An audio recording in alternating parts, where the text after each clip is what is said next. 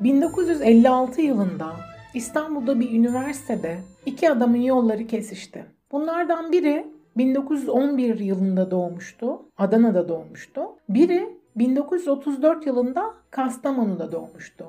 Ama işte yıllar sonra İstanbul'da buluşmuşlardı ve İstanbul Teknik Üniversitesi e, koridorlarından geçerek dekanlık odasında buluşmuşlardı. Aralarında 23 yaş fark vardı. Birisi 20'li yaşlarındaydı henüz ve öğrenciydi. Diğeri de orta yaşlı demeye dilim varmıyor. Hala e, diyelim ki gençliğinin son yıllarını yaşayan 45 yaşındaki dekandı ve dekanın odasında buluşmuşlardı. Genç adam dekanlık koridorlarında yürürken kararlıydı. Kapıyı çalacak ve içindekilerin hepsini söyleyecekti. Kararlı bir şekilde koridordan yürüdü, kapının önüne geldi, bir durakladı. İçi, aklından içinden bir şeyler geçti. Acaba yapmasam mı dedi ama yaptı. Kapıyı çaldı, cesaretini toplayıp içeri girdi.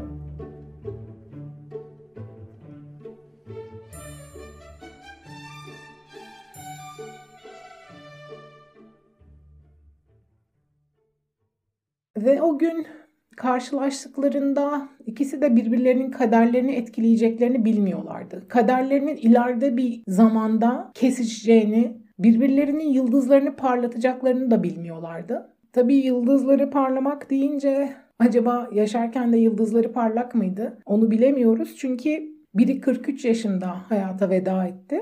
Diğeri de 56 yaşında. Yani ikisi de aslında genç denilebilecek yaşlarda hayata veda ettiler.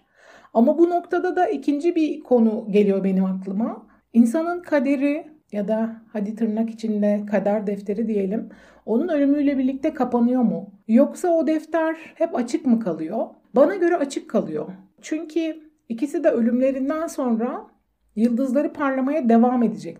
Bunu neden böyle söylüyorum? Çünkü bu iki adam da birisi ölümünden 4 yıl sonra 1971 e, yılında bilime hizmet ödülü alacaktı TÜBİTAK tarafından. Ve çok daha sonraları da hakkında makaleler, kitaplar, romanlar yazılacaktı. Öbürü de yaşarken yazdığı, zorlukla bastırttığı belki de kitaplarını e, birinci baskılarından sonra baş, başka bir baskısını göremediği gibi e, bir tepki bile alamıyordu etrafından. Yani bir yazarın ya da bir sanatçının başına gelebilecek en kötü şey olarak hep tanımlanıyor bu. Yani olumsuz tepki bile bir tepkidir ama yok sayılmak, kayıtsızlıkla karşılanmak büyük bir acı kaynağı biliyorsunuz. Yani neredeyse yok sayılıyordu. Yazdığı kitap hakkında bir şey duyamıyordu etrafından, eleştiri alamıyordu. İşte bu insanlar öldükten sonra birisi bilim ödülü alacaktı, hakkında kitaplar yazılacaktı. Öbürü de öldükten sonra kitapları yok satacak, baskı ardına baskı yapacak. Onun da hakkında birçok makale, yayın, hatta biyografiler yazılacaktı. Kitapları oyunlaştırılacaktı, yazdığı bazı oyunlar sahneye konacaktı, bazıları senaryolaştırılacaktı.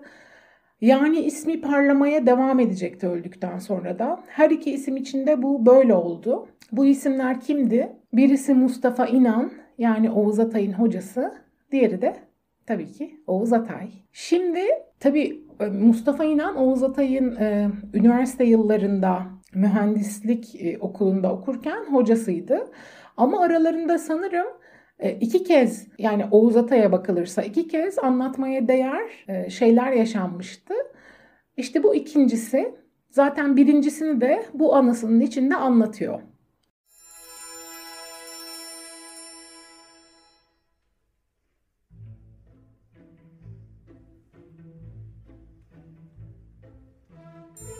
Bir de öğrencilerin dertleri için koşuşmak vardı.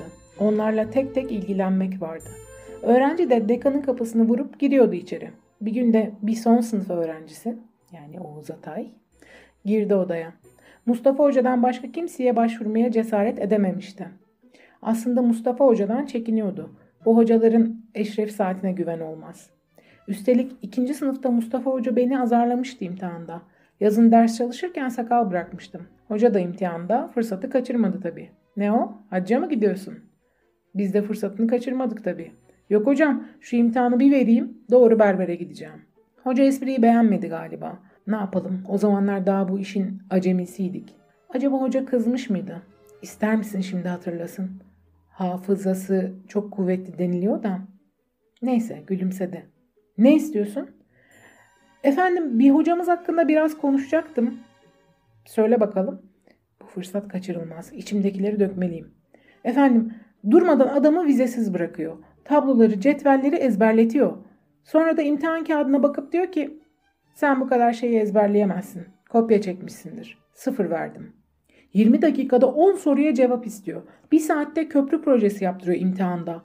Nasıl vize verdiği belli değil. Çeşitli söylentiler dolaşıyor.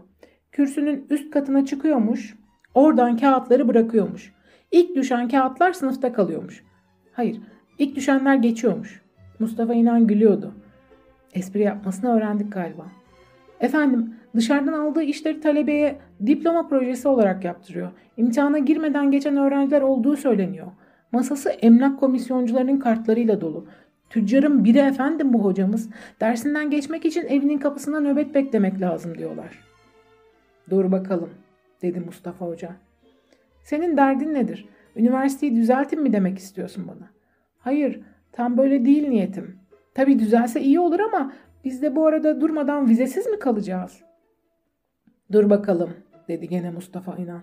Sen batıla istinad ediyorsun. Yani istiyorsun ki sen de bu haksızlıklar içinde hak etmeden vize alabilesin. Biraz düşündü. Ne yapalım şimdi diye sordu öğrenciye. Hemen bu adamla dekan olarak konuşun hocam. Mustafa İnan peki dedi ve hemen telefona sarıldı. Bir süre konuştu sonra hiç durmadan dinledi ve birden kıpkırmızı kesildi. Telefonu kapadı. Gördün mü başıma geleni diyerek azarladı heyecanlı öğrencisine. Beni de tersledi işte. Başka hocanın işine hiç karışılır mı? Telaşın yüzünden beni de şaşırttın. Siz bu hocanın durumunu benden mi öğreniyorsunuz efendim? Hayır ben de biliyorum. Ama bak Oğuz sen de ötekiler gibi bu badireyi kolayca atlatsaydın, bu haksızlığın acısını çekmeseydin, bu mektepte olup bitenleri unutup gidecektin. Artık bu haksızlıklar bir daha aklından çıkmaz. Bunlar hafızana öyle bir yerleşir ki, günün birinde haksızlıkları ortadan kaldırmak için belki harekete bile geçersin. Öğrencinin hafızası Mustafa İnan'ınki kadar olmasa da kuvvetliydi ve unutmadı.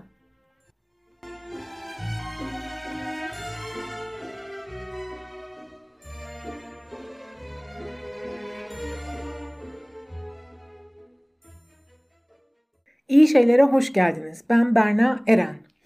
Bugün Oğuz Atay'ın Bir Bilim Adamının Romanı adlı kitabı hakkında konuşacağız.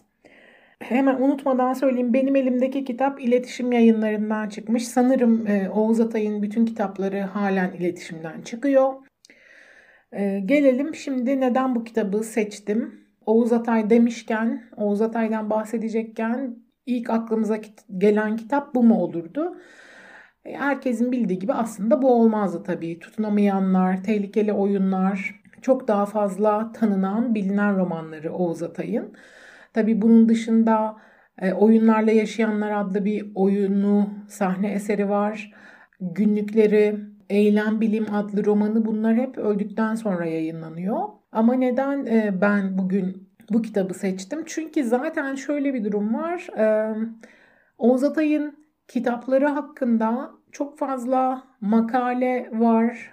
Bunlar üzerine yazılmış başka yayınlar var. Yazılmış, basılmış başka yayınlar var. Benim bu kitabı seçmemin nedeni e, biraz daha yani Oğuz Atay olunca konu ne kadar geride kalabilir ama yine de bu kitabın diğerlerine göre biraz daha geride kalmış olması. Özetle diyeceğim aslında bugün Oğuz Atay'dan tabii bahsedeceğiz. Aslında baş kişimiz o diyebilirim. Ya da baş kişilerimiz Oğuz Atay'ın yanında Mustafa İnan.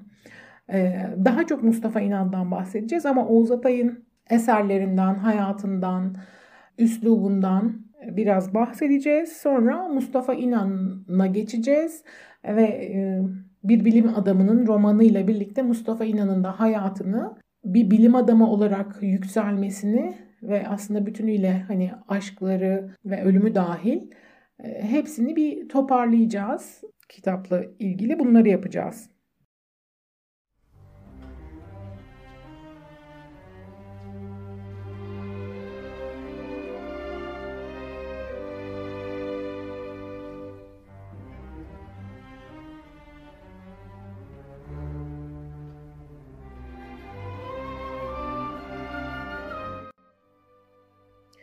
Şimdi o zaman Oğuz Atay'dan konuşarak devam edelim. Aslında başta söyledik 1934 doğumlu Oğuz Atay.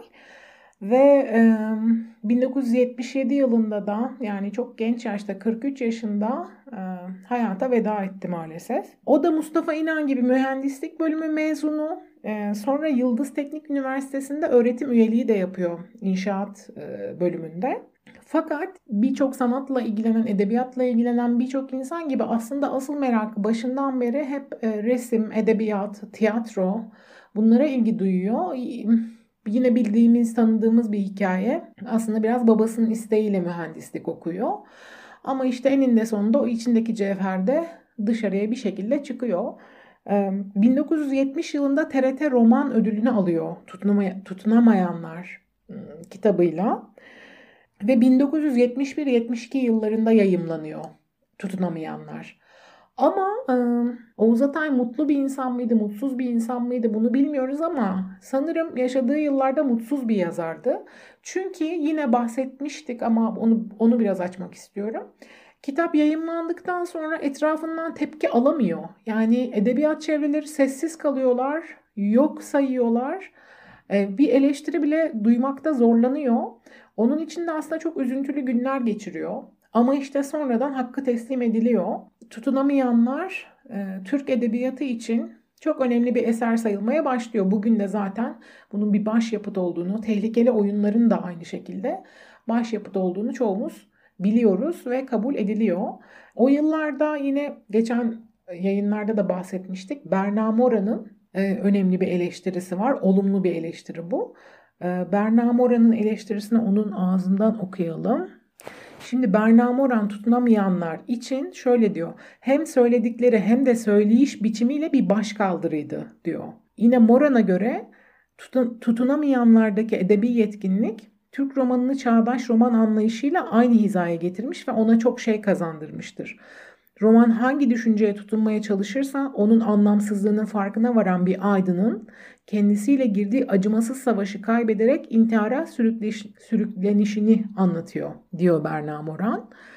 Ve işte onun üslubuyla ilgili de birkaç şey söylüyor. Romanlarıyla ve öyküleriyle ilgili.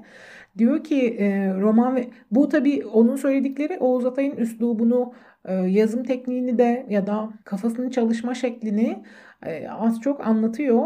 Şöyle diyor, romanları ve öykülerindeki iç konuşmalar, bilinç akışı, düşler, hayaller, sanrılar ve değişik söylemlerden oluşan metinler olaylarla birlikte karmaşık bir yapı oluşturur. İşte bu bu zaten bu teknik, bu roman tekniği edebiyat eleştirmenleri tarafından da postmodern edebiyat olarak adlandırılıyor. Ve Berna Moran tarafından da tutunamayanlar Türk edebiyatı için bir çığır olarak, e, çığır açan bir kitap olarak adlandırılıyor. Böyle diyebiliriz kısaca. E, Oğuz Atay'ın edebiyatına, edebiyat çevreleri nasıl bakıyordu ve üslubu hakkında da neler söylüyorlardı. Şimdi tutunamayanlar demişken Oğuz Atay bu kitabın ilhamını kimden almıştı, nereden almıştı? E, bunu yine bilenler biliyordur. Çok bilinen bir anekdot aslında. Oğuz Atay'la ilgili kısacık bir araştırma yaptığınızda bile nette önünüze çıkan bilgiler arasında ama e, çoğumuz da yani kitaplarını okuduktan sonra çok seven ve merak edenler arayıp bulmuştur ama bilmeyenler için de burada bir kez de ben anlatayım. Oğuz Atay bir şey okuduktan sonra ilham alıp e, sayfalarca, yüzlerce sayfa oturup yazdığını biliyoruz. Ve sonunda da bu kitabın ismini Tutunamayanlar koydu. Peki bu ilhamı nereden aldı? Yusuf Atılgan'dan aldı. Yusuf Atılgan'ın Aylak Adam adlı kitabını okuduktan sonra oradaki bir bölümden, kısa bir bölümden çok fazla etkilenip bir paragraf diyelim. Çok fazla etkilenip işte dedik ya zaten az önce de bilinç akışı etki, e, tekniğini çok fazla kullanıyor diye. Belki de oturup e, koca koca bölümler yazmaya başladı ve o bir proje haline aldı. Bilmiyorum buraları ben böyle hayal ediyorum. Ama bu şey bu bilgi kesin tabii. Tutunamayanlar aslında aylak adamdan alınan ilhamla yazılıyor. Peki aylak adamın hangi bölümünden bu kadar etkilenmişti de bu kitabı yazmıştı. İsmini de Tutunamayanlar koymuştu Oğuz Atay. Şimdi o bölümü size okumak istiyorum.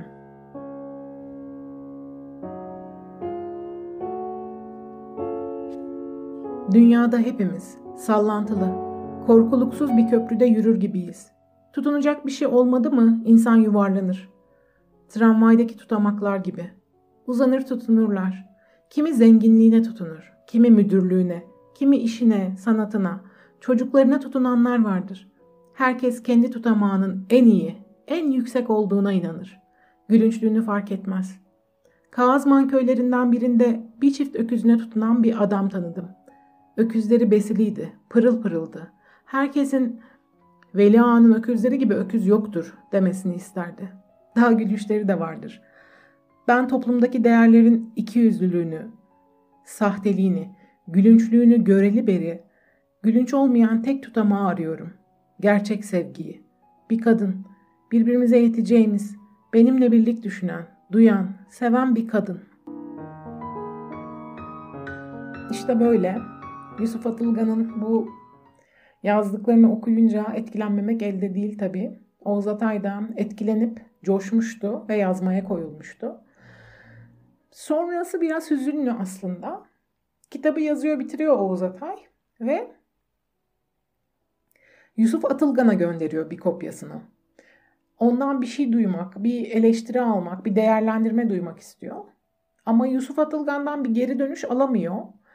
Yakın çevresinden bir arkadaşına da bu durumdan bahsediyor. Ben ona gönderdim e, kitabı ama bana geri dönmedi, bana bir şey söylemedi, bir değerlendirme yapmadı diyor.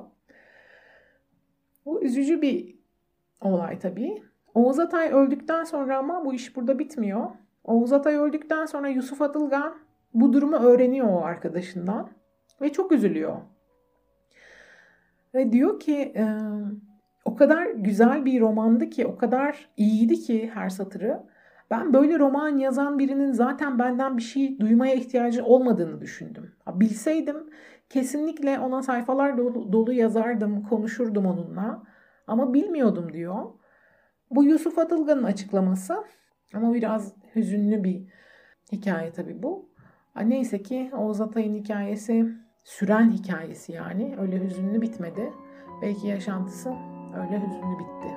Onu bilmiyoruz.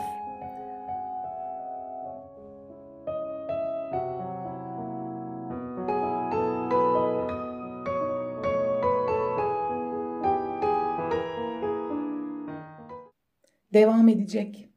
İkinci bölümde bir bilim adamının romanını konuşmaya devam edeceğiz. Mustafa İnan ve tabii Oğuz Atay'dan da bahsetmeye devam edeceğiz. Şimdilik en heyecanlı yerinde bırakalım. Şaka şaka. Ya ama siz heyecanlı olmasa da yine gelin. Yine bekleriz yani. Şimdilik hoşçakalın.